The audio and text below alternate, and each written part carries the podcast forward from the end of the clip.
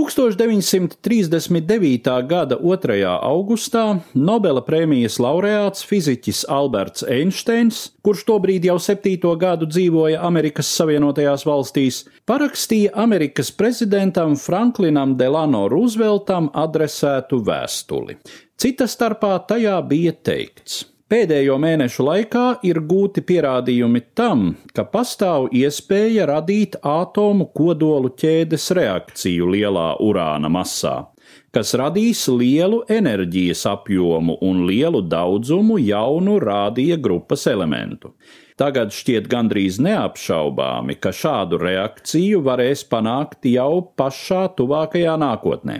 Šis jaunais fenomens novedīs arī pie spridzekļu izgudrošanas, un ir domājams, gan ne tik droši kā iepriekš teiktais, ka šādi var radīt jauna tipa ārkārtīgi jaudīgas bumbas, Viena vienīga šāda tipa bumba, laivā nogādāta un uzspridzināta ostā, visnotaļ spētu iznīcināt visu ostu un daļu no apkārtējās teritorijas.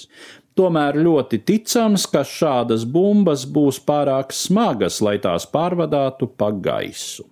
Šai pēdējā pieņēmumā autors, kā zināms, kļūdījās.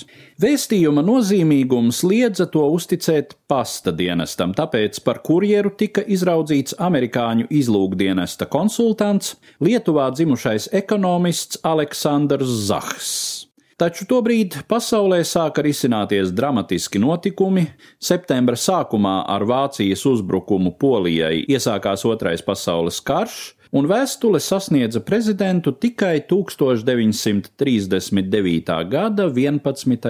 oktobrī. Vēstuli gan ir parakstījis Alberts Einsteins, taču teksta autors ir cits. Tas ir Ungārijā dzimušais atomfiziķis Leos Cilārds. Cilārds ir viens no kodolfizikas pamatlicējiem, pirmais, kurš izteicis pieņēmumu par atomu kodolu ķēdes reakciju.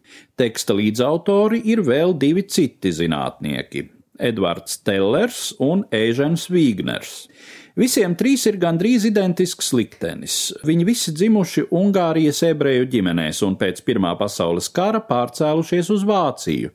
Te jaunajā Veimāras republikā gan iespējas zinātniskajai darbībai bija plašākas, gan antisemītisms tobrīd jūtams mazāk nekā reģenta Hortī pārvaldītajā Ungārijā. Tomēr jau dažus gadus vēlāk arī Vācijā situācija kļuva ebreju izcelsmes ļaudīm arvien neciešamāka, un kā daudziem citiem, arī minētajiem trim nācās meklēt citu mītnes zemi. Galu galā viņi rada patvērumu Amerikas Savienotajās valstīs. Scilārds, Tellers un Vīgners visai labi saprata, uz ko varētu būt spējīgs Hitlers, ja viņa rokās nonāktu kodolieroči. Tomēr viņi nebija droši, ka tiks uzklausīti, un tāpēc vēstuli lūdza parakstīt vienai no lielākajām autoritātēm pasaules zinātnē, Albertam Einsteinam. Daudzi uzskata, ka šī 1939. gada vēstule ir aizsākums tā dēvētajam Manhetenas projektam, darbam pie amerikāņu atombumbas, kas galu galā arī vainagojās panākumiem, proti 1945. gadā amerikāņu aviācija nometa kodolbumbas uz Japānas pilsētām Hirosimu un Nagasaki vienā rāvienā, nogalinot kādus simts tūkstošus cilvēku. Pēc Alberta Einsteina nāves gan parādījās ziņas, ka viņš mūža beigās esot izteicis nožēlu, ka parakstījis vēstuli prezidentam Rooseveltam, tā it kā pamudinot Ameriku spērt pirmo soli pretī Hirosimai.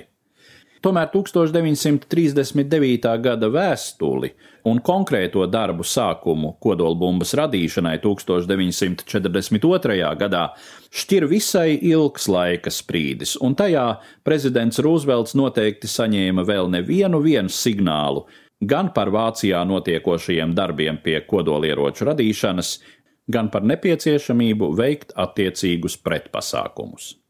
Stāstījumu sagatavoja Eduards Liniņš.